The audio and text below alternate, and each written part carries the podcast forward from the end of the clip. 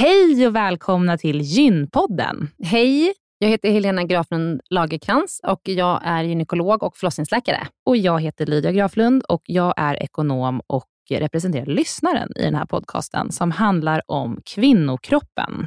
Det är vetenskaplig fakta om kvinnokroppen och det du hör i den här podden är det som man kan höra om man får träffa en läkare eller en barnmorska i ett eh, möte. Men ibland så bjuder vi in gäster som berättar om sina personliga erfarenheter och ibland är det också spekulation, men då är det verkligen tydligt att det är spekulation. Annars är grunden för den här podden vetenskaplig fakta om kvinnokroppen. Så är det. Hoppas att ni vill lyssna. Välkomna. Välkomna.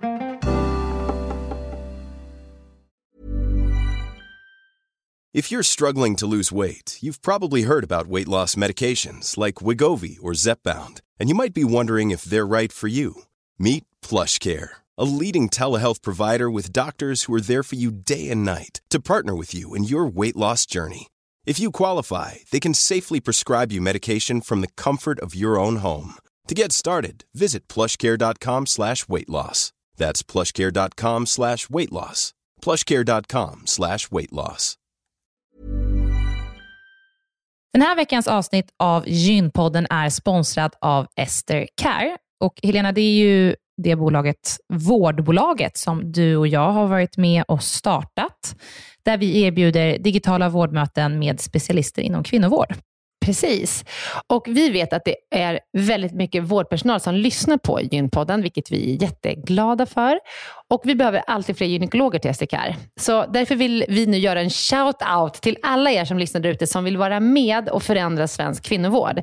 Vi söker specialister inom gynekologi, men också ST-läkare som har kommit en bit in i sin ST och som vill arbeta digitalt eh, med handledning på, hos oss på STKR. Mm. Och precis som det är för våra patienter som kan söka vård hos oss, det vill säga att de kan bo vart som helst i landet eftersom vi är digitala. Om man laddar ner appen och så bokar man ett vårdmöte, så kan ju även läkaren bo vart som helst i landet eller flytta under tiden man jobbar hos oss. Det är ju väldigt, väldigt flexibelt eftersom eh, man jobbar hemifrån. Och Jag tänker att det måste ju också vara helt underbart att som läkare kunna arbeta hemifrån och planera sin egen tid några dagar i veckan. Ja, verkligen. Och samtidigt vara med och förändra kvinnovården med kollegor som är otroligt drivna och engagerade. Det är jätteroligt att jobba på SDKR. Och jag tycker att det här är en häftig grej som vi gör just nu, att vi erbjuder gyn, äh, gynvård i hela landet. Och vilka är de vanligaste patientmötena du tar, Helena? Ja, men det är ju klimakteriet, eh, PMS, eh, mensbesvär. Och det är ju såklart Eh, ärenden och eh, diagnoser som går att hantera digitalt. Men vi remitterar också vidare när det behövs mm. Eh, och tar labbprover när det behövs mm. och så vidare. Mm. Så gå in på sdcare.com, klicka på jobba hos oss i menyn för att läsa mer och skicka in en ansökan. Tack så mycket. Tack och välkomna. Hej och välkomna till ett avsnitt som kommer att handla om fertilitetsförståelse. Mycket spännande. Mm. Vi får ju in mycket frågor på vår Instagram, Gynpodden, om det här. Lite om liksom, menscykeln, när blir man gravid, när kan man inte bli gravid? Hur är det egentligen med eh, flytningarna? Kan de omgör, avgöra liksom, var man är i sin menscykel, om ja. man kan bli gravid just då? Och så. Och eh, Det här tar vi till oss det är otroligt spännande att prata om de här grejerna. Verkligen. Och eh, Vi har bjudit in en mycket kunnig och erfaren gäst. Emma Carling Witzell. Välkommen! Emma, du är ju erfaren på så många plan. Dels är du ju barnmorska och har jobbat på fertilitetsklinik. Du har jobbat på förlossning såklart. Och du har skrivit en bok som heter Ditt fertila liv, mm. som finns att köpa. Mm. Mm. Som, du har, någon gång har du sagt att det här är guiden till liksom, allt ni behöver veta om kvinnokroppen. Läste ja, jag sånt där. Ja, men jag tycker nog faktiskt att den är ganska mm. sammanfattande. Ja, mm. Den är jättefin och jättebra. Mm. Och Sen är du ju också poddare eh, tillsammans med en eh, eh tidigare gäst, gäst här, ja. Carolina Tristan. Mm. Och ni, era poddar heter Ditt fertila liv och IVF-podden, så två olika poddar. Precis. Så ja, eh, du sitter inne på alla våra svar, tror jag. Hopefully. Hopefully. Ja. Eh, men jag, jag tycker att vi kör igång direkt. Ja, kör vi.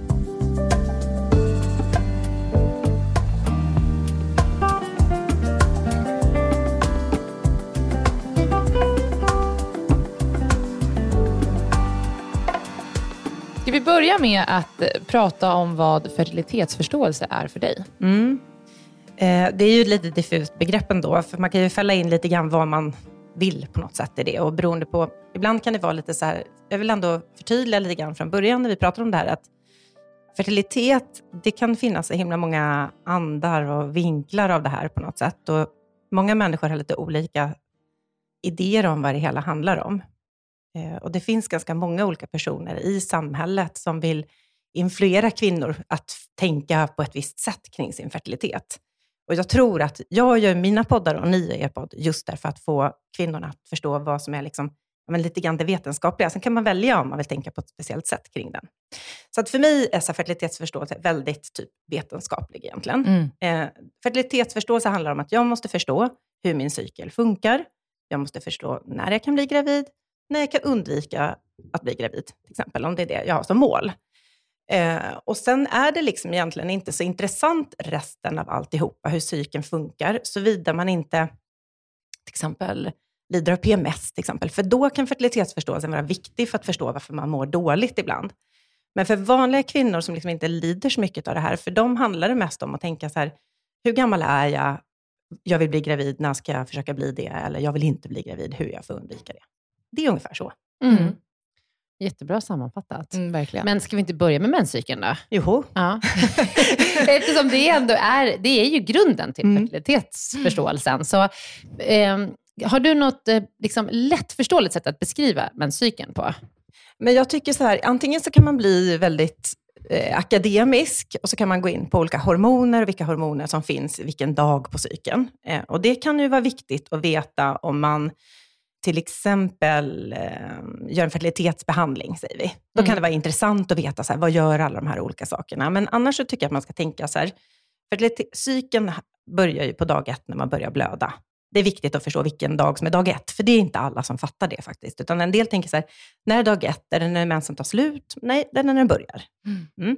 Det är faktiskt inte helt självklart. Nej, om man ser till så här, man tänker ju att cykeln kopplar till när man har ägglossning och tänker Mm. kanske att det logiskt sett borde vara dag ett. Men det är dag ett är när man börjar blöda. Ja. Det är början på menscykeln. Och då kommer ju nästa liksom lite grann så här, eh, misstolkning i samhället. Så här, ägglossning har man dag 14. Det beror givetvis på hur lång cykeln är.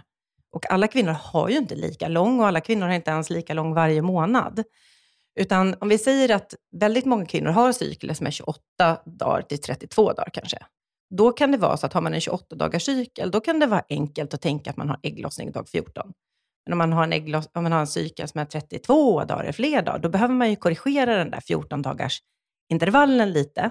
Därför att om man är intresserad av själva ägglossningen, vilket ju typ är det ofta kvinnor är, de är ju inte intresserade av så här dag 8 eller dag 17. Det är ju helt betydelselöst. De vill veta när är ägglossningen, när kommer jag att få mens? Ja. Och då måste man lära sig att räkna baklänges och det är ju inte så lätt för de kvinnor som har oregelbundna cykler. Så att därför behöver man, för att förstå sin egen fertilitet, för det var det vi ändå försökte prata om, då gäller det att tänka så här, har jag en regelbunden cykel eller inte? Och med regelbunden är det ju inte att man alltid har 28 dagar. Nej, men Nej. det kan vara så att vi måste exkludera de som ibland har 40, de som har en månad, de som har tre månader, som kanske nästan typ aldrig har ägglossning. För de kan ju inte inkludera sig själva i den här gruppen. De får tänka lite annorlunda. För vill man lista ut när man har ägglossning, om man har mens varannan månad ibland, då är det ju aldrig dag 14. Det Nej. kan vi ju säga. Mm. Okej, så att hur, hur ska vi tänka då? Så att eh, Mm. hon får mens dag ett Mm. och då räknar man bakåt från det då? När man Då är tänker det man så här, ja, men jag brukar ha en cykel som är 28 dagar. Mm, Ja, då kan vi tänka oss att ägglossningen är ungefär dag 14. mm, Och det har ju att göra med att när man har ägglossning så tar det ungefär två veckor till mensen börjar. just det. Ja. Så att har jag då en, en cykel som brukar vara ungefär fem veckor, då får man tänka sig att ägglossningen faller tre veckor in i cykeln. För den är nästan alltid två veckor innan mensen kommer. Ja. Och Det är det man är säker på. Så det är perioden efter mensen tills ägglossningen är som kan variera i längd. Ja, precis. Och sen kan ju cyklerna bli lite kortare när man blir äldre. Ja, Mm. och det kan hända många saker. Och det, det som också är sen nästa problematik för kvinnor som ska förstå sin fertilitet, det är att väldigt, väldigt många kvinnor äter p-piller från att de är tonåringar. De började kanske när de var 15, säger vi. Eh, och sen börjar många kvinnor som börjar bli så här 24, 25, då är de så här nyfikna på hur sin fertilitet funkar och då slutar de med p-piller. Och då är, deras cykel helt upp och ner och då tänker de att "Åh, det här är p-pillret som har raserat hela min fertilitet. Men egentligen är det så att det som de har när man slutat med p-piller kanske är lite mer deras verkliga cykel. Mm. För p-pillercykeln är ju liksom en hittepåcykel kan man säga. Mm. Och då ska vi verkligen ta bort den tankegången hos kvinnor, Mm. att p-pillret orsakar att deras fertilitet och deras hormon hamnar Mm. i någon slags karusell. Så är det ju inte. Nej. P-pillret går ur kroppen svinfort. Mm. Utan Det här kvar är så är... viktigt, för Ja, det här det är, är så så, vanligt att, att kvinnor missförstår. Ja. Och eh, det man också har märkt, Helena, som vi har fått in frågor på ibland, är ju att kvinnor har haft eh, har hormonspiral i fem år och sen tar hon ut den och försöker bli gravid och så visar det sig att hon, har fått, hon har PCOS eller endometrios som gör att det är svårare att Mm. bli gravid och så tror man att det är på grund av hormonspiralen. Mm. Men egentligen så har ju den bara sjukdomen hämmats av Ja. hormonspiralen. Eller skydd, en man kan säga att, sjukdom, att eh, sjukdomen, att man har skyddats av att man har haft ett hormonellt Ja. preventivmedel, kan man Ja. säga, om Det är man har till som en exempel PCOS. tankevurpa nästan, Mm. Mm. att tänka så. Så det är Precis. jättebra att belysa det. Ja, och många kvinnor som jag träffar, och förmodligen ni, de säger så här, jag är så nyfiken på min cykel. Och ibland är jag lite så här, jag, ibland förstår jag inte riktigt varför Nej. det är intressant. Därför att det är intressant först när man vill någonting med sin cykel. Ja. Om man inte vill bli gravid och använder preventivmedel, då är ju det cykeln vad det är. Och sen är det det att om du börjar bli liksom 32, 35 och närmare 40 och vill få barn, då är det inte liksom hur cykeln är som är intressant, utan att man måste elda på lite kan man säga Mm. utav andra skäl.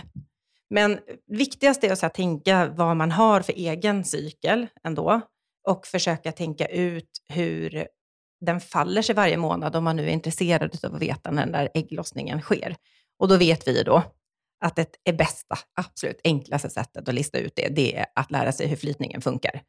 Och då finns det en massa kunskaper om flytningar. Jag tycker man kan stryka allt annat som inte har att göra med halt, för det är inte intressant. Som inte har att göra med Ja, då förklarar vi det då. halt, sa det. Halt! Därför om man vill veta när man har ägglossning, då blir flytningarna väldigt speciella. Okej. Då blir de som äggvita eller som klister. Det blir halt, man torkar sig på, med toapappret, man kissar så är det liksom slirigt. Mhm. Och när man tittar på toapappret så är det liksom som en tråd som åker fram och tillbaka, som en limtråd ungefär. Och det är liksom ett, ett jättebra tecken på att man är liksom i den fertila fasen. Och det är då man typ ska försöka bli gravid, om man nu vill det. Mm. Och sen om flytningarna är torra eller vad det nu kan vara, de spelar inte så stor roll, för de kommer ändå inte att visa dig om du är, kan bli gravid just nu. Okej. Ja, så att det finns en massa det andra Så de är liksom sorters- inget skydd mot det, men däremot så är det väldigt tydlig indikation på att du kan, Ja, eller har högre chans att bli gravid om Ja. de är som du beskrev dem nu då. Mm. hala, glatta, Mm. Mm. halt och torka sig med toapappret brukar vara bra Okej. tips. Men äggvita brukar Ja. man ju beskriva i böckerna. Ja. Liksom. Mm. Precis. Mm. Och för många så handlar det om att jag vill undvika att bli gravid eller jag vill bli gravid. Och då är det ungefär det här du ska söka efter. För det här är det tecknet. Sen om du har något fertilitet, något slags sekret som talar för att du är i någon annan fas, det, det är liksom överkurs. Det Mm. kan man ta när man har lärt sig allt annat. Mm. Mm. Men jag då, som jobbar med, Ja. med aborter, jag tänker att det inte är ett jättesäkert sätt att inte bli gravid. Absolut inte. Utan det är mer om man kanske vill bli gravid. För att det är ju, äh, det finns ju jättemånga som förespråkar det här som preventivmetod. Mm. Eh, Den tycker jag är ganska osäker. Men den är osäker. Jag tycker att man ska säga så här, för det här pratar vi lite grann om såklart i fertilitetssammanhang. Så här, till vilken nivå vill jag absolut inte vill bli, bli gravid? Vill jag så här, till inget pris som helst Mm. inte ha barn, då tycker jag att man ska använda ett väldigt säkert sätt. Och då är såklart, som du säger Helena, det här inte världens säkraste sätt. Nej. Men om jag är 45 år, då är ju oddsen att jag ska bli gravid inte jättestor. Och då kanske det funkar relativt bra. Ja. Men om man är 22 och liksom lever toppen på sitt liv och barn är liksom Och inte superfertil. Och superfertil, ja då skulle jag använda det safeaste sättet man kan Mm. hitta på marknaden. Mm. Mm. Mycket bra. Ja.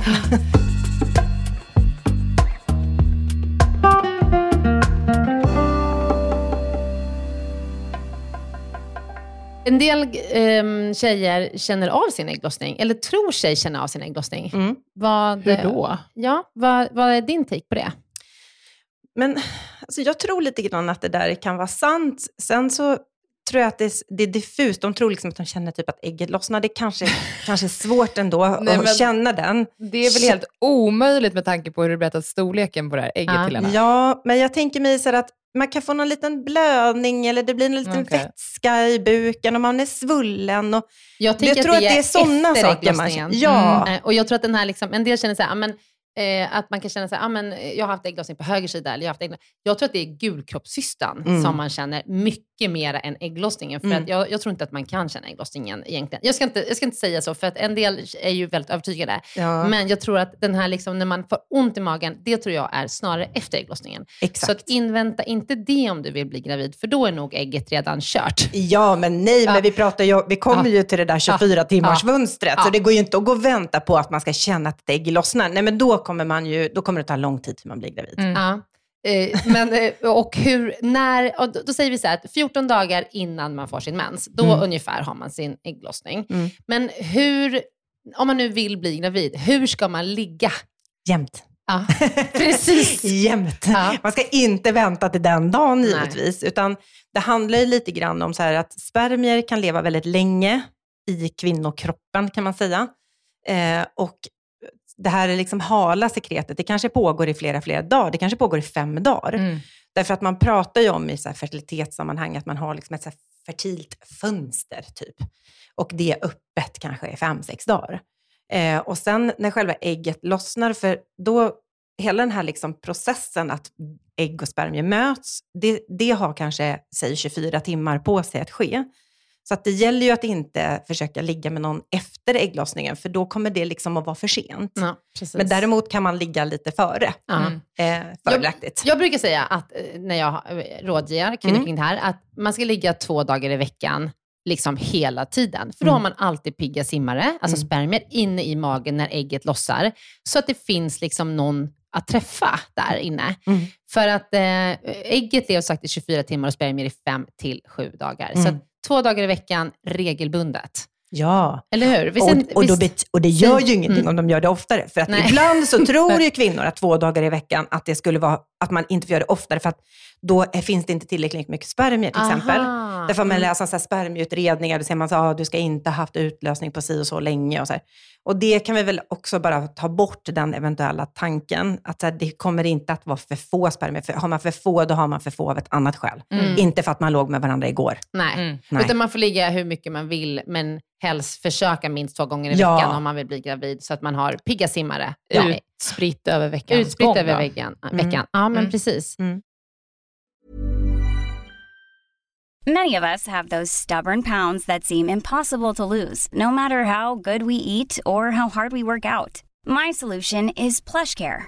PlushCare is a leading telehealth provider with doctors who are there for you day and night to partner with you in your weight loss journey. They can prescribe FDA-approved weight loss medications like Wagovi and Zepbound for those who qualify. Plus, they accept most insurance plans. To get started, visit plushcare.com slash weight loss. That's plushcare.com slash weight loss. Hey there, it's Michelle Norris. I'm host of a podcast called Your Mama's Kitchen. When I travel, I'm usually looking for a way to find a taste of home when I'm not at home. And one of the things I love to do when I am at home is entertain. And Airbnb allows me to do that. When I was in California recently, I rented a house that had a great kitchen. And when we were sitting around the table, we we're all thinking, we're in someone else's house. Someone could be in all of our homes as well. If you have a home, but you're not always at home, you have an Airbnb. Your home might be worth more than you think.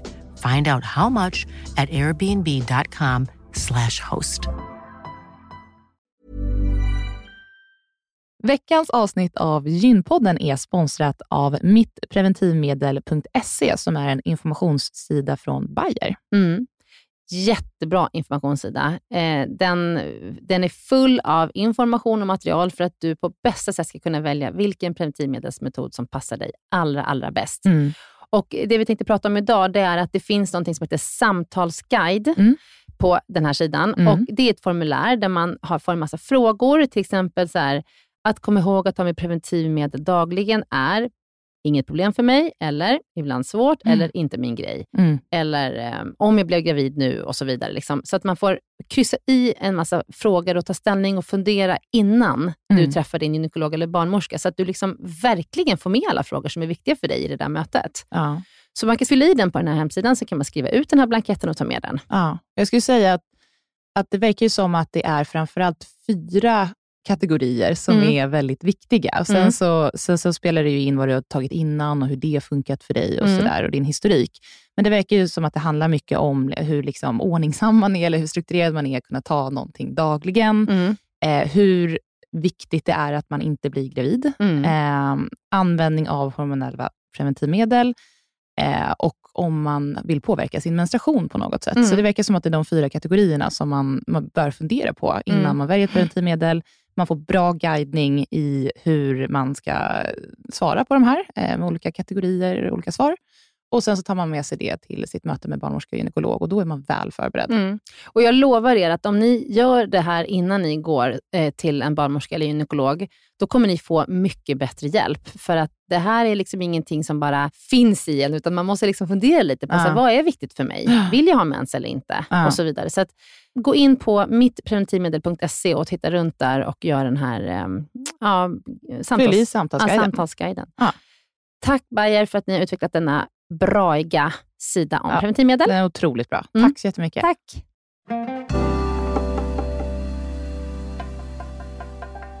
Jag tänker så här Emma, du som har skrivit den här boken, du är så Mm. otroligt påläst och inläst på liksom hur vårt fertila liv ser ut. Kan inte du berätta lite om det?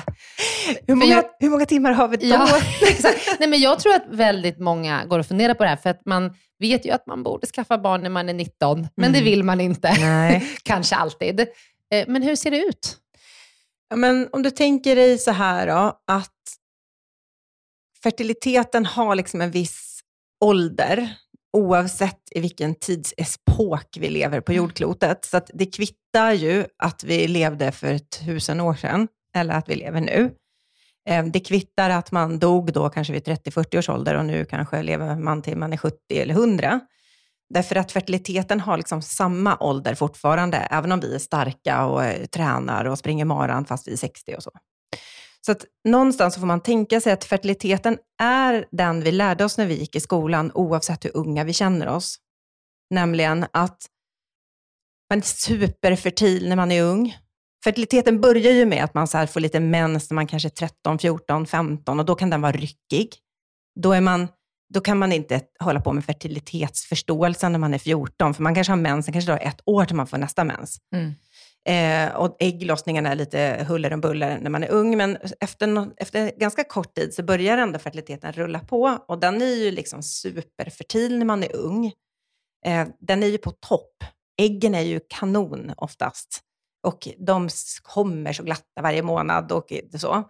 Eh, och sen när man är kanske runt 35, säger vi då, då börjar den där fertiliteten dala väldigt snabbt. Mm. Och när vi pratar om det så blir väldigt, väldigt många kvinnor oerhört förkrossade. Och så säger man så här, men jag känner en som fick barn när hon var 45 och jag, jag blev gravid direkt när jag var 42. Och, så här. och det är klart att när vi säger att det dalar vid 35 så är det ju alltid så när man pratar om så här vetenskapliga saker att man packar ihop alla kvinnor i ett stort sjok och så säger man, tittar man på alla kvinnor i hela världen så faller det från 35. Det kanske inte innefattar alla kvinnor, för en del kanske förlorar den tidigare. För man hamnar i en annan situation i livet, så att man kanske hamnar i ett för tidigt klimakterium när man är 32. Och då klarade man sig inte ens till man var 35. Och vissa är superfertila när de är äldre. Mm. Men generellt sett, så från 35 så går det neråt. Och det betyder inte att det är omöjligt, men det är väl liksom lite svårare. Det kan ta längre tid till exempel. Vad är det som händer då? Men äggen har liksom blivit för gamla. Det är lite som äggen i kylskåpet, håller inte heller hur länge som helst. Mm. Så det, man har inte ägglossning lika ofta då? Eller Man har det som- ägglossning kanske oftare till och med, därför att ju äldre du blir, desto Mm. kortare cykler får man ju. Så du får sämre kvalitet på äggen? Ja, det du säger? Mm. Ja, för att när man är äldre, då behöver kroppen jobba hårdare för att ta fram varje ägg. Mm. När man är ung, då liksom ligger de på rad och bara liksom skeppas ut så här i, helt automatiskt. Men när vi är äldre, då måste kroppen jobba hårdare för att få fram varje ägg, för det är lite skralt i äggslockarna. Mm. Och då blir cykeln kortare för att den jobbar nästan lite parallellt. Och det, ju, det ska ju vara ett perfekt ägg som Mm. träffas av den där perfekta spermien för att det ska bli ett friskt liksom, Mm. embryo. Och det är ju också en lägre sannolikhet ju äldre man blir. Ja. Så att det är ju också större risk att det inte blir någonting och Mm. det är större risk att man får missfall Precis. på grund av att det inte är tillräckligt bra. Ja. Eller att kvaliteten går ner. Precis. Eh, Men Men det är ju så att jättemånga blir gravida efter 35. Ja, men massvis, Ja. massvis med Jag kvinnor tänker blir också det. att det finns så mycket hjälp också att få. Ja. Eller vi har i alla fall poddat om det. Att, Mm. eh, att det finns liksom...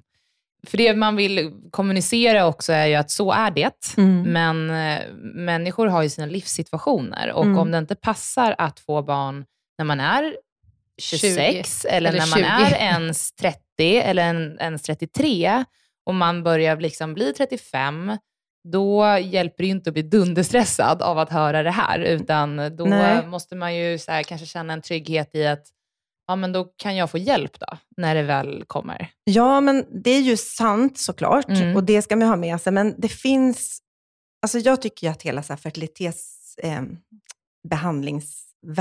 av alla olika möjligheter är fantastiska. Mm.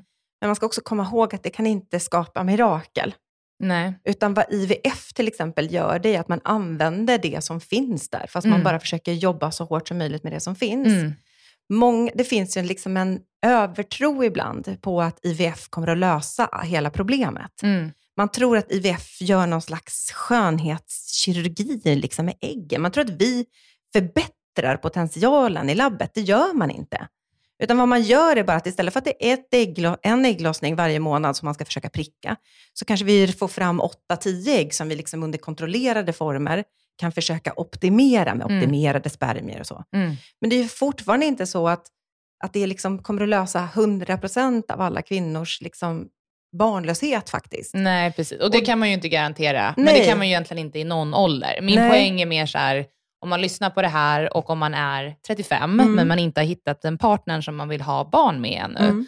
så eh, ska man ju inte bli dunderstressad för att fertiliteten går ner. För det går ju ändå inte riktigt kanske att göra någonting åt det här och nu, utan att, Nej. liksom, att man kan fortfarande få hjälp, tänker jag. Jo, men det är sant och jag tycker att det, är- det svåra i den här informationen, det är ju alltid, Mm. alltid till de kvinnor som faktiskt letar efter någon att dela sitt liv med. Och man känner att den här uh, klockan tickar iväg och man är urstressad för att jag har ingen. Och det är ju ett enormt problem för väldigt, väldigt många kvinnor faktiskt. Och då kan jag tycka så här att nu lever vi i en värld där det här, har blivit okej att man kanske skaffar barn på egen hand. Mm. Eller man, man hittar andra vägar till sitt barn som kanske var svårare för kanske 10-15 år sedan. Mm. Därför att då var det mer tabu, då var det inte lika okej, då var det inte lika accepterat att göra sådana här behandlingar. Så att jag tycker att är man liksom, börjar man bli mellan 35 och 40, man är ensam, då måste man träna på att öppna sitt sinne för så här, hur viktigt är det för mig Mm. att få barn Mm. och vilken, vilken väg kan jag tänka mig att gå i om jag inte går den, den vanliga Traditionella. vägen. Ja. Nej. Mm. Gud vad det är orättvist. Mm. eh, jämfört med män. Mm. Det, Det är, eh, hårt. framförallt när man, eh, när man pratar med, ja, med killar som jag gick i skolan med, eller som jag gick på universitetet med, som, man, som så här, ah, nej, jag tänker inte hitta någon och, och liksom stadga mig med att få barn förrän jag är 40 någon gång. Mm. Eh, och så går det inte att tänka som kvinna. Det Nej. är så orättvist på det sättet. Det är så, men det är liksom, därför får vi bara försöka hitta bra lösningar för att, att liksom hitta en väg som passar var och en på något sätt. Ja. Men är det här de största kunskapsluckorna, tycker du? Att vi tror att vi, att vi är mer fertila senare i livet än vad vi är, bara för att vi känner oss så unga? Ja, Mm. det, det skulle jag säga. Och också skulle jag säga så att den andra, den andra liksom kunskapsluckan är verkligen att, att IVF är fantastiskt och hjälper oerhört många, men är liksom inte lösningen. I För all- alla. Nej, och det finns liksom ju till och med vetenskapliga studier även på det, att man har liksom en övertro på att IVF kommer att lösa problemet om man inte lyckas på egen hand. Mm. Och det blir så hårt slag då, för att det går Mm. liksom inte att veva tillbaka tiden. Nej. Utan det är lika bra liksom att kunna fakta bara och sen får man försöka liksom hantera situationen på, där, utifrån vilken situation man själv sitter i. Mm. Men att man inte sitter och tror att ja, men allt kommer att lösa sig.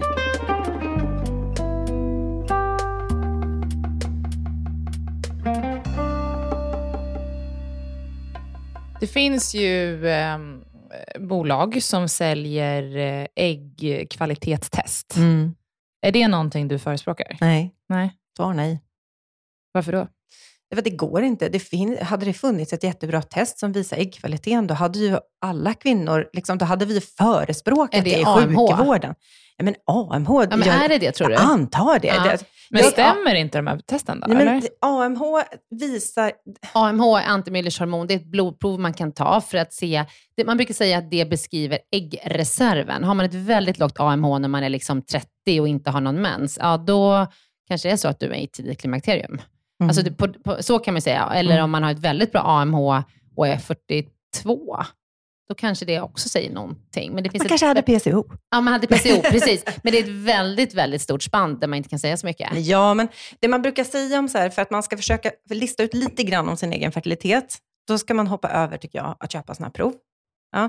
Utan då kan man, om man är liksom, börjar bli lite äldre, eller det är någonting i ens liv som gör att det är viktigt att veta det här, då, får man liksom, då gör, ta, går man till till exempel Helena här, och så kommer Helena att ta AMH, och så kommer hon göra ett ultraljud, och så kommer man att titta på hennes ålder, och så kommer man att göra massa olika, sätta ihop en massa olika parametrar. Och så försöker man få en bild av så här, ungefär ser det här ut. Men det säger fortfarande inte att kvaliteten är bra. Därför att det, kommer, det, det är liksom nästan helt omöjligt att säga. Du kan, ju se, du kan ju ha en kvinna med världens odds, världens odds på en IVF-klinik. Det är så bra allting och du gör prov och du liksom tar ut äggen och det går tillbaka, blir ingenting. Därför att det, det, det, alla de här testerna säger ingenting om kvaliteten. Mm. Och det är ju, ja, den som knäcker den kommer att bli rik. Mm. Mm. Så den, Okej. det, AMH säger någonting om kvantiteten. Ja, det är en, en del, en Mm. del, ett delsvar på en kvantitet. Precis, Mm. och, men kan det ändå också vara lugnande? Fast det spelar ingen roll, för du säger att det är inte att det sinar ägg, utan det är att kvaliteten går ner. Men liksom både och, det är liksom lite komplext ju. Därför Mm. att det är ju både, för om du tänker en helt normal kvinna som det visar sig inte ha ett problem med sin fertilitet. Hennes AMH, hennes antal ägg, hennes äggstockar, om man tittar med ultraljud, kommer att sjunka med åldern. Så enkelt är det. Och sen har vi kvinnor som har fantastiska eh, AMH-svar, eh, fantastiska bilder när vi tittar med ultraljud, lyckas ändå inte.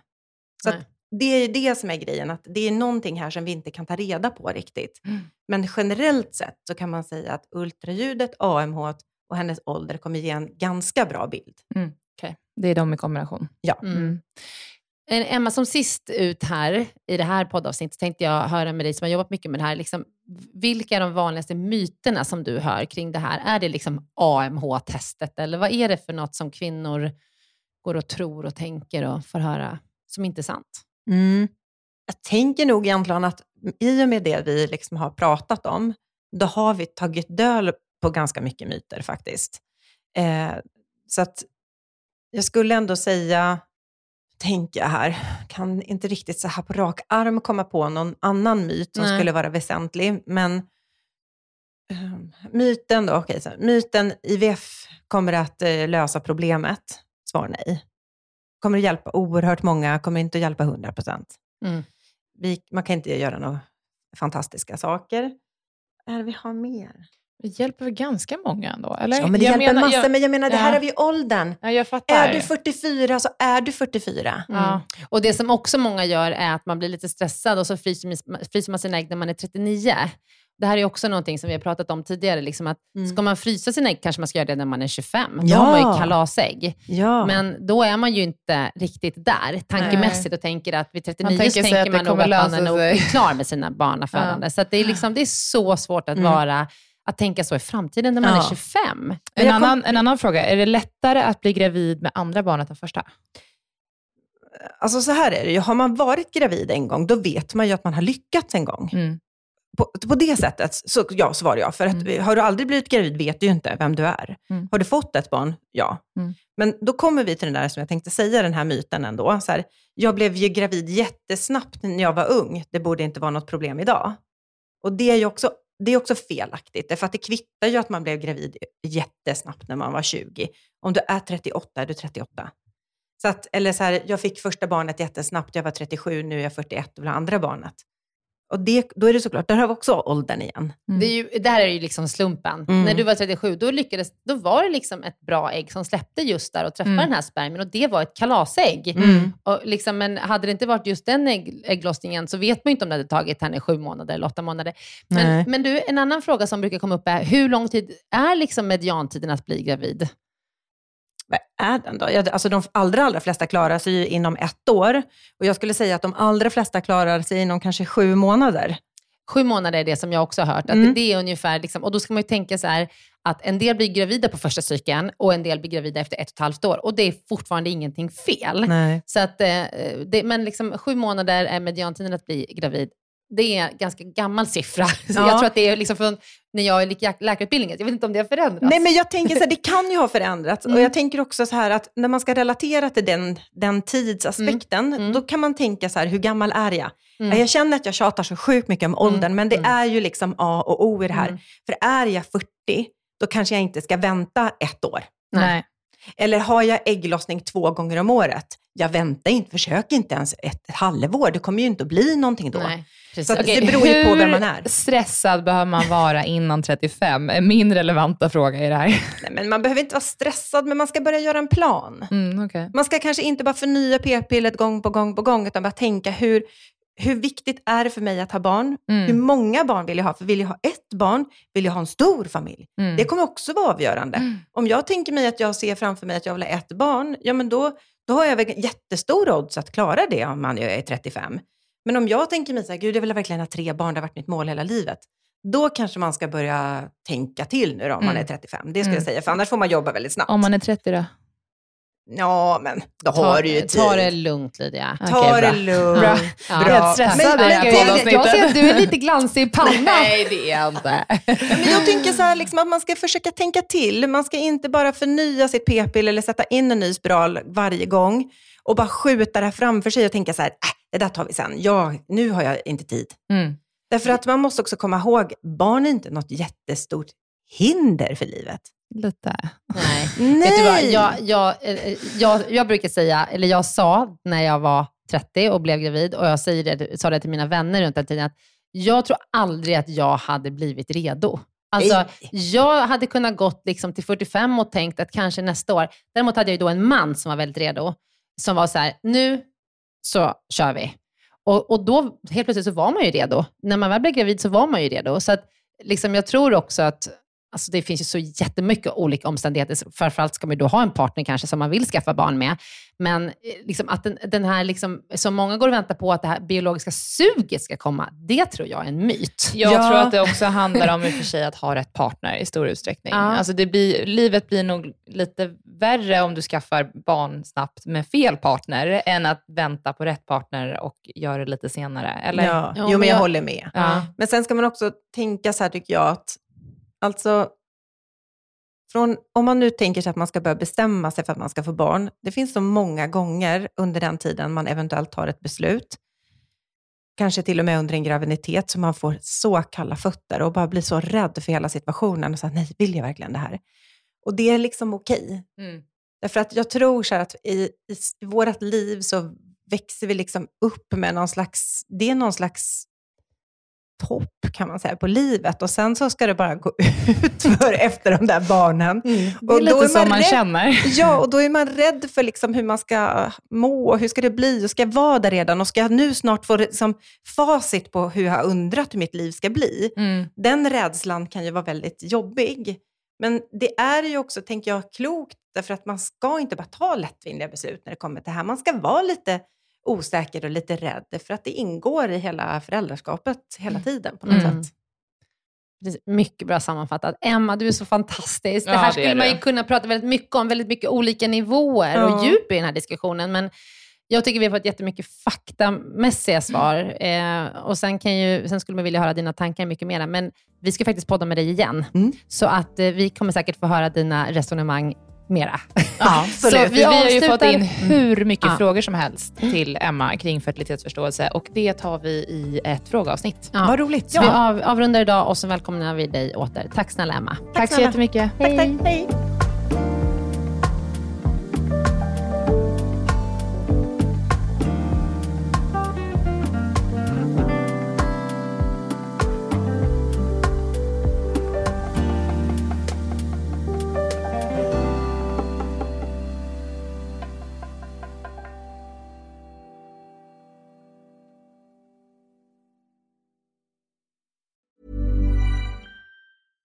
Even when we're on a budget, we still deserve nice things. Quince is a place to scoop up stunning high-end goods for 50 to 80% less than similar brands. They have buttery soft cashmere sweaters starting at $50, luxurious Italian leather bags, and so much more. Plus, Quince only works with factories that use safe, ethical, and responsible manufacturing. Get the high-end goods you'll love without the high price tag with Quince. Go to quince.com/style for free shipping and 365-day returns.